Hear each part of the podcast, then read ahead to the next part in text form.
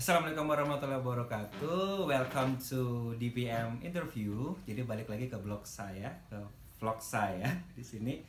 Em, biasa vlog DPM interview isinya kita interview dengan orang-orang yang menginspirasi, yang keren-keren banget gitu kan, dan juga membanggakan.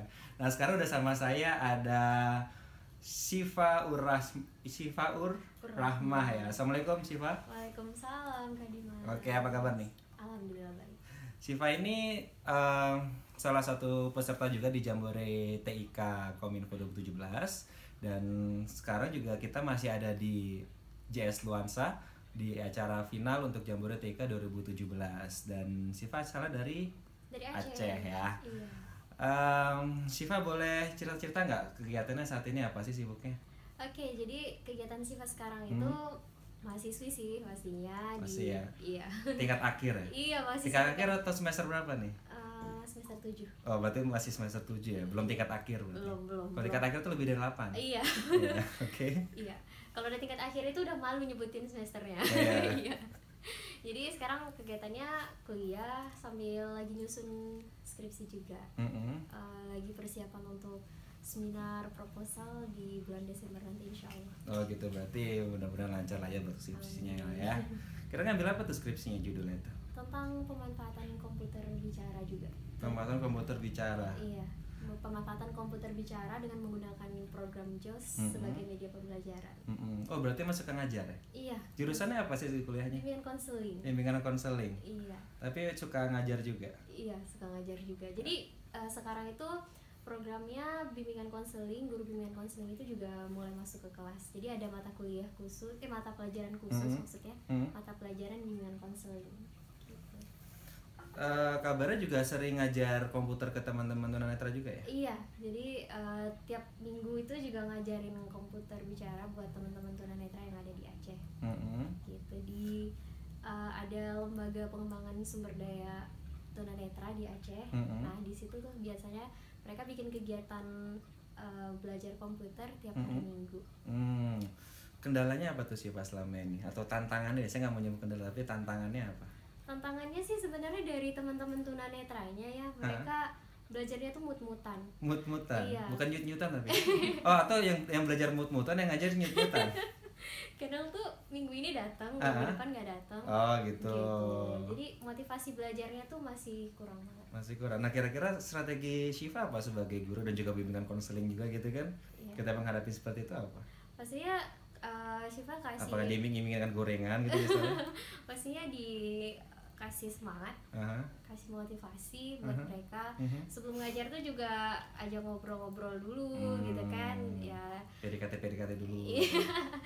Eh, nanti kalau kira-kira udah pada mood nih buat belajar baru Mhm. mulai belajar gitu. Jadi mau ngajar itu harus lihat kondisi orang-orang yang mau diajari juga Hmm, gitu. Kira-kira mereka oke. udah siap belum untuk belajar? Oke. Dan saya juga sudah sempet ngepoin juga sama Ya profil Siva gitu kan. Apa searching di YouTube apa di YouTube lagi searching di Google dan lumayan banyak gitu kan. Siva ini eh, sangat berprestasi sekali loh. Yang pertama itu dia dari SMP aja udah pernah juara OSN ya. Iya OSN, OSN apa tuh waktu itu? eh, MIPA, matematika IPA. Itu cerdas cermat atau apa ya? Cerdas cermat. Cerdas cermat ya. Di Iya. mana acara waktu itu? Di Manado. Di mana dapat juara berapa? Waktu itu sih baru dapat peringkat kelima. Udah kelima, tapi itu nasional kan ya? Iya, Luar nasional. biasa kan ya.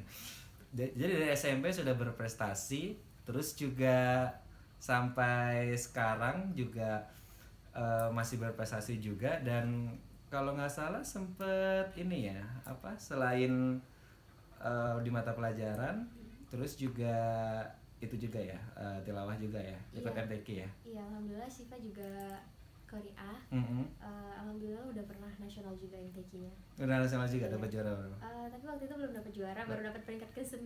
Kelas 9. Tapi dari nasional luar, luar Iya. biasa dong, luar biasa alhamdulillah ya.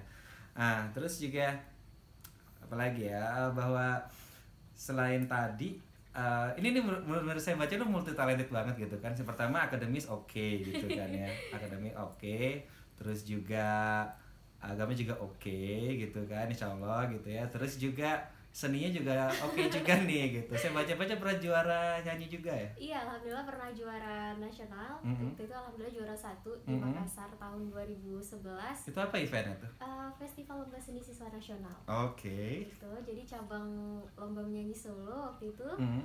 ya dapat juara satu alhamdulillah. Terus apa lagi?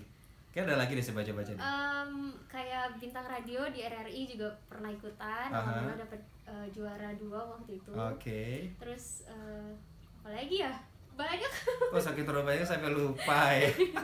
Luar biasa pokoknya. Nah, eh, dari semua prestasi yang sudah Siva dapatkan itu pasti perjalanannya nggak mudah dong ya. Iya. Boleh cerita nggak sih, em, Siva nih em, mengalami keturunan sejak kapan? Iya, jadi Siva itu tunanetranya sejak lahir. Sejak lahir apa setelah lahir? Eh, Kalau sejak lahir udah ketahuan. setelah lahir. Setelah lahir ya? iya. Setelah lahir. Jadi eh, bayi itu kan mulai bisa melihat itu setelah 40 hari ya. Hmm, mereka berarti setelah lahir kan? Iya. Nah, Jadi di situ eh, ada keanehan gitu ya. Mhm. Jadi kalau lihat cahaya itu mata Siva nggak bisa berhenti berputar. Ya, Hmm, kayak gitu. ya, berotasi. Jadi nggak bisa berhenti putar gitu. mhm, mhm. Nah, terus dicek ke dokter, ternyata memang agak ada kelainan. Nah, tapi Siva alhamdulillah masih low vision. Hmm, gitu. Gitu. Nah, slow vision masih sejauh apa? Eh, tapi low visionnya udah nggak lumayan sih. Nggak lumayan. Eh, karena untuk baca tulisan di handphone itu udah nggak kelihatan. Hmm. Tapi kalau tulisannya Tapi- itu hmm. eh, besar, Hmm. ukurannya besar itu bisa bisa. Oh gitu, tapi duit sama cowok cakep masih kelihatan dong? Eh, kalau cowok cakep masih bisa. Masih. Oke, eh, balik lagi. Tadi em, Siva kan juga itu ya pernah ikut lomba, terus bahkan di bidang MIPA gitu. Bahkan yang padahal MIPA itu matematika dan IPA itu buat teman-teman tunanetra kan karena jadi sebuah momok yang menakutkan gitu Iya. ya. Kenapa Siva bisa suka itu dan bisa itu? Sebenarnya Siva juga kalau boleh jujur ya, Siva Hmm. tuh kurang suka sama hitung-hitungan. Mm-mm. Siva paling nggak suka sama angka-angka. Tapi entah Oh, kenapa. berarti nggak suka hitung-hitungan ya? Iya. Oh, berarti ini bagus nih. Terus? Jadi nggak tahu kenapa waktu itu eh, Siva ayo ikut ibu Hmm, daftarin. Nah waktu itu hmm. kan masih SMP ya. Mm-mm. Eh, ayo Siva ibu daftarin ikut OSN gitu. Hmm. Aduh bu saya nggak siap gitu kan. Nah, Saya soalnya kurang suka nih sama pelajaran eh, sains atau matematika Iya. gitu. Udah nggak apa-apa ikut aja gitu. mm-mm. Nah alhamdulillah eh, ya itulah keuntungan eh, walaupun gak suka tapi tetap dengerin di kelas gitu Aha. kan. Nah ternyata soal-soalnya munculnya itu eh, lumayan gampang gitu. Iya. Nah, akhirnya bisa diselesaikan. Hmm. Nah, waktu waktu di nasionalnya itu kalahnya gara-gara kurang teliti sih waktu itu. Oh gitu ya. Iya. Ya masih inilah, masih terlalu muda lah gitu kan ya. Kalau orang nggak belajar dari kesalahan kan juga nggak bakal Iya, dapatkan bener. sesuatu Iya, juga kan. Kesuksesan gitu. itu kan kadang kita harus belajar dari kesalahan dulu. Betul betul betul. Nah terus em, tadi perjuangannya juga dari apa dari sifat mulai ternyata dari sejak habis lahir tadi ya Iya. gitu ya kan dari kecil.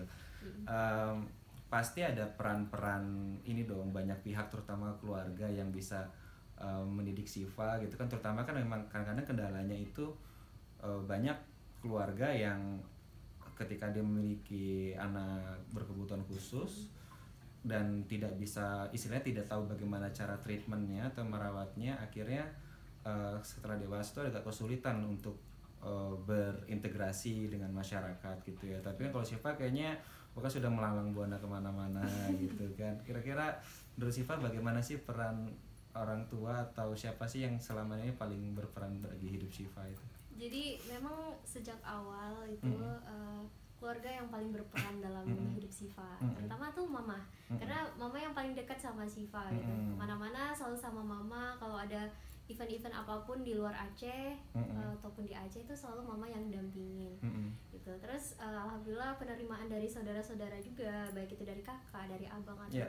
dari saudara-saudara keluarga besar juga alhamdulillah penerimaannya cukup baik sama Mhm. Siva. Mereka Mhm. bisa menyesuaikan dengan Siva. Iya. Maksudnya eh, kalau mungkin ada keluarga-keluarga yang mereka malu punya anak disabilitas gitu Iya. sehingga nggak mau diekspos Mm-mm. Eh, kalau misalnya ada acara apa-apa gitu di rumah anaknya di dikurung di kamar gitu kan. Mm, Nah, kayak tapi- ayam ya? Iya.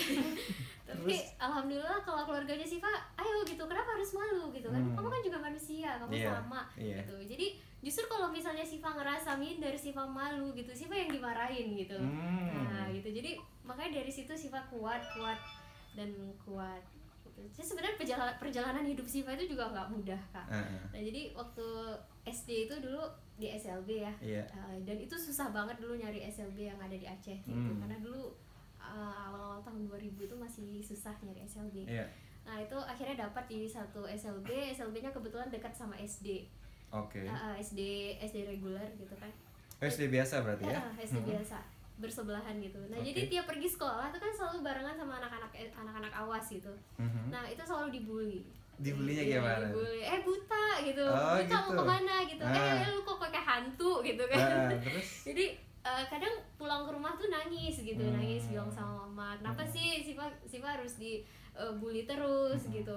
Terus sampai Terus kata-kata mama apa untuk eh, menguatkan? kata kata mama eh, buktikan eh, kalau Siva itu punya potensi Hmm. di mana potensi itu bisa merubah persepsi orang Hmm. uh, kalau tunanetra itu nggak bisa apa-apa gitu. Hmm. Gimana caranya kalau hari ini mereka ngebully, suatu Hmm. hari nanti mereka memuji gitu. Oke. Oke, uh, Keren sampai akhirnya uh, pas kelas 6 SD, Siva mutusin untuk keluar dari uh, maksudnya se- setelah lulus SD, Hmm. Siva mutusin untuk nggak mau ngelanjutin di eh, di SLB lagi. Mhm. Nah, Siva masuk SMP. Akhirnya langsung masuk SMA. uh, Oh, ya. masuk SMP eh, inklusi, Aha. alhamdulillah waktu itu keterima sama kepala sekolahnya. Oke. Uh, Inklusinya apakah di situ memang sudah pernah menerima tunanetra sebelumnya? Enggak, belum pernah. Siapa pertama di situ? Iya, pertama. Oke. Nah, jadi eh, sekolah inklusi alhamdulillah dapat ranking satu terus waduh. Oke, luar biasa. Terus? Terus waktu mau, mau masuk SMA dapat lagi masalah. Mhm. Eh, kepala sekolahnya nggak mau nerima waktu itu. Hmm. Alasannya pernah nerima anak yang agak slow learner gitu. Slow learner, Nah? Eh, tiga bulan jadi masalah di sekolah Tapi itu. kamu kan nggak slow learner. Terus kata mama, anak saya cuma tunanetra, insya Allah Hmm. nggak slow learner gitu. Oh. Terus bapak boleh coba, boleh jadikan anak saya percobaan dulu. Ah. Kalau memang anak saya menjadi masalah selama enam bulan, bapak boleh keluarkan anak saya. Hmm. Gitu. Akhirnya eh, kepala sekolahnya setuju, Yeah. terus Siva masuk eh, SMA. Mm-mm. Alhamdulillah sampai selesai di sekolah juga selalu dapat ranking satu. Oke, Nah, terus, terus? bilang gini dong, Pak, saya nggak slow learner kok, saya slow but sure. Terus alhamdulillah Hmm. eh, dari prestasi-prestasi yang Siva dapat dari Mhm. nasional tadi, Mhm. Siva dapat eh, beasiswa dari pemerintah Aceh. Oke. Nah, jadi sekarang Siva kuliahnya di beasiswain sama pemerintah Aceh. Keren, keren banget, keren banget. Eh, aduh nih keren banget saya jadi ini nih jadi bingung mau nanya apa lagi gitu kan. Nah, em, gini Siva, em, sebenarnya cita-cita terbesar Siva apa sih? Sebenarnya memang dari kecil tuh kalau ditanya soal cita-cita gitu ya, Mm. Siva mau jadi apa? Jadi guru gitu. Selalu jadi guru. Jadi Kalau guru. main sama teman-teman juga mainnya guru-guruan. Guru-guruan. Heeh, jadi Oh. hobi jadi guru itu eh, cita-cita jadi guru itu yang udah ada sejak kecil Hmm. gitu. Nggak tahu deh kenapa suka jadi guru, seneng aja gitu. Mm-mm. Eh, makanya waktu masuk kuliah itu pilihnya bimbingan konseling. Mm-mm. Juga eh, termotivasinya ngambil bimbingan konseling juga gini sih waktu SMA tuh ya namanya juga remaja ya yang Iya. lagi yang lagi jatuh cinta, yang lagi Hmm. galau, yang lagi patah Hmm. hati gitu Hmm. kan. Iya. Banyak teman-teman yang ceritanya tuh ke Siva gitu. Oh gitu. Nah, jadi terus ibu tempat mi- curhat iya, ya. jadi terus eh, mikir kan ada nggak sih profesi yang bisa menampung, Hmm. maksudnya bisa jadi media tempat eh, teman-teman bercerita Hmm. gitu. Nah, terus Hmm. searching searching, cari-cari Hmm. tahu, oh ternyata Hmm. konseling, konseling nih cocok gitu. Nah, akhirnya Hmm. mutusin masuk konseling. Gitu. Tapi harus dilihat dulu yang sering curhat itu cowok apa cewek? Kalau cowok cuma modus itu, ya kan? Gitu. Oke, sorry. Em, terus Siva sekarang ikut Jambore TIK 2017 gitu kan dari Kementerian Kominfo di bidang eh, komputer IT gitu kan. Hmm. Em, menurut Siva tuh eh, prospek IT buat Siva dan juga buat eh, teman-teman tunanetra lain tuh apa sih ke depan? Eh, untuk saat ini IT itu penting banget kita Mm-mm. pelajari gitu ya karena semuanya serba IT. Iya. Siva tuh selalu ingatin sama teman-teman yang Siva ajarin Mm-mm. eh, di sana gitu ya. Mhm. Eh, apalagi bagi mereka yang masih sekolah. nih. Iya. Kalian tahu nggak eh, kuliah itu semuanya pakai IT gitu, pakai Hmm. komputer. Ing- Ngisi KRS pakai komputer, Iya. lihat hasil eh, perkuliahan juga pakai komputer. Hmm, itu kan rebutan kelas juga ya pakai Iya. komputer. Hmm. Terus eh, buat ngirim tugas pun sekarang lebih sering dosen-dosen mintanya ngirim email. Iya. Otomatis kan pakai komputer juga Mm-mm. gitu kan. Terus eh, kerja waktu masuk dunia kerja juga pakai komputer Hmm. jadi komputer itu penting banget dan teman-teman harus benar-benar pelajari komputer dengan Hmm, baik dan hmm. memahaminya karena ke depannya itu penting banget Iya. Jadi menurut itu sebuah tantangan atau jadi sebuah malah memudahkan? Hmm, lebih memudahkan pastinya Memudahkan dong ya? Nah, kalau dulu nulis catatan sampai berlembar-lembar sampai Hmm. tangannya pada bengkak-bengkak demi tulis braille Hmm. sekarang lebih gampang aja tinggal ketik 10 jari Hmm, iya. jadi sebenarnya lebih gampang kan bisa pakai Oke Google juga dong. iya Oke Siva, em, kita mulai ke ini ya, mulai siap mental ya pertanyaan ini. waduh mau nanya apa nih Em, tadi kan Siva apa kadang-kadang kan ada ini pengalamannya kan beda ya dari sekolah tadi di SLB, Mm-mm. terus juga sekolah di SMP, SMA di sekolah umum gitu Iya. kan. Pernah ada pengalaman-pengalaman yang unforgettable ya? Eh, waktu selama masa sekolah? SMP SMA apa ya kira-kira Eh, waktu SMA sih lebihnya gitu? Eh, Siva tuh pernah jadi teman-teman di Aceh itu untuk eh, diskriminasi Hmm. masih lumayan lah gitu kan masih lumayan tinggi Hmm. terus juga eh, mereka itu teman-teman awas itu Hmm. masih gimana ya kalau berteman sama tunanetra itu ingin mencari keuntungan jadi Mencari keuntungan Iya. apa tuh? jadi gini eh, waktu itu kan. Siva juara eh, kelas kelas ya. Uh-uh, Siva kan ranking satu di kelas Hmm. nah jadi pak pernah tuh pas di semester eh, dua kelas Hmm. 3 tuh Hmm. eh, pernah sekali ada teman Siva yang minta jawaban eh, PR gitu kan Hmm. Nah, jadi waktu itu tugasnya eh, dikasih tugas Heeh. dan dia belum sempat ngerjain nah terus dia minta jawabannya dari Siva gitu Hmm. Kamu kasih nggak? Eh, waktu itu Hah? Eh, nggak tahu ya kenapa ya waktu itu mungkin Siva ini lagi nggak baik ya Nah. biasanya Siva kasih gitu ya kasihan Hmm, karena hmm. Siva anggapnya mereka kan udah bantuin nih udah Hmm. mau bantuin gitu Iya, kan. iya. apa salahnya sih dikasih gitu saya sih biasa gitu, simbiosis mutualisme. iya tapi nggak tahu hari itu sebenarnya niatnya mau kasih sih cuman Hmm. waktu itu karena lagi ada apa ya Lagi Siva galau, lupa ya. gitu kondisinya gimana Ah. akhirnya nggak kasih gitu akhirnya gara-gara itu eh, Siva dimusuhin sama teman-teman sekelas Hmm. khususnya teman-teman cewek gitu kan Oh. dimusuhin akhirnya eh, mereka tuh baru eh, berdamai lagi sama Siva setelah setelah Siva udah masuk kuliah Hmm. gitu jadi menjelang UN itu mereka Sebegitu memang- lamanya gitu. iya menjelang UN itu mereka memang nggak ngobrol sama Siva Hmm. gitu jadi selama sekolah menjelang UN itu Siva temannya sama cowok Oh. nah jadi gitu. sebenarnya temenan sama cowok itu ada enaknya juga gitu Ah, kenapa? Nah, kalau- Sering traktirin ya? Eh, kalau cewek itu suka ngegosip tapi Oh. kalau cowok itu lebih gimana ya asik aja gitu Realistis. Iya. Ya ada suara-suara di sana gitu ya. Oke, terus juga em, apa namanya? Siva kan juga apa namanya juga suka nyanyi juga dan suaranya Iya. bagus juga gitu kan. Baik kemarin eh, pasti Palembang nyanyi yang gitu-gitu deh ya kan. Pokoknya bikin banyak yang apa cowok-cowok di sana pada inilah pada penasaran Ya gitu ampun. kan. Nih, saya ingin menjawab penasaran pada cowok-cowok sekalian di luar sana gitu kan. Sebenarnya cowok tipenya sifat itu seperti apa sih? Eh, ya ampun itu gimana ya sebenarnya untuk tipe khusus khusus banget gitu nggak ada sih Hmm. kalau misalnya tunanetra tunanetra lain yang mungkin punya tipe oh gue harus dapat yang awas Hmm. gitu kan gue tunanetra nanti kalau Hmm. dapat yang tunanetra juga gimana nih Hmm. Eh, tapi kalau Siva sih mikirnya nggak gitu Hmm. kalau memang takdirnya dapat yang tunanetra juga ya kenapa enggak gitu kan Hmm. nggak Hmm. masalah gitu Hmm. selama eh, yang paling penting dia itu eh, beriman Hmm. Terus ibadahnya bagus ya walaupun Mm-mm. dia bukan seorang ustadz ya Hmm.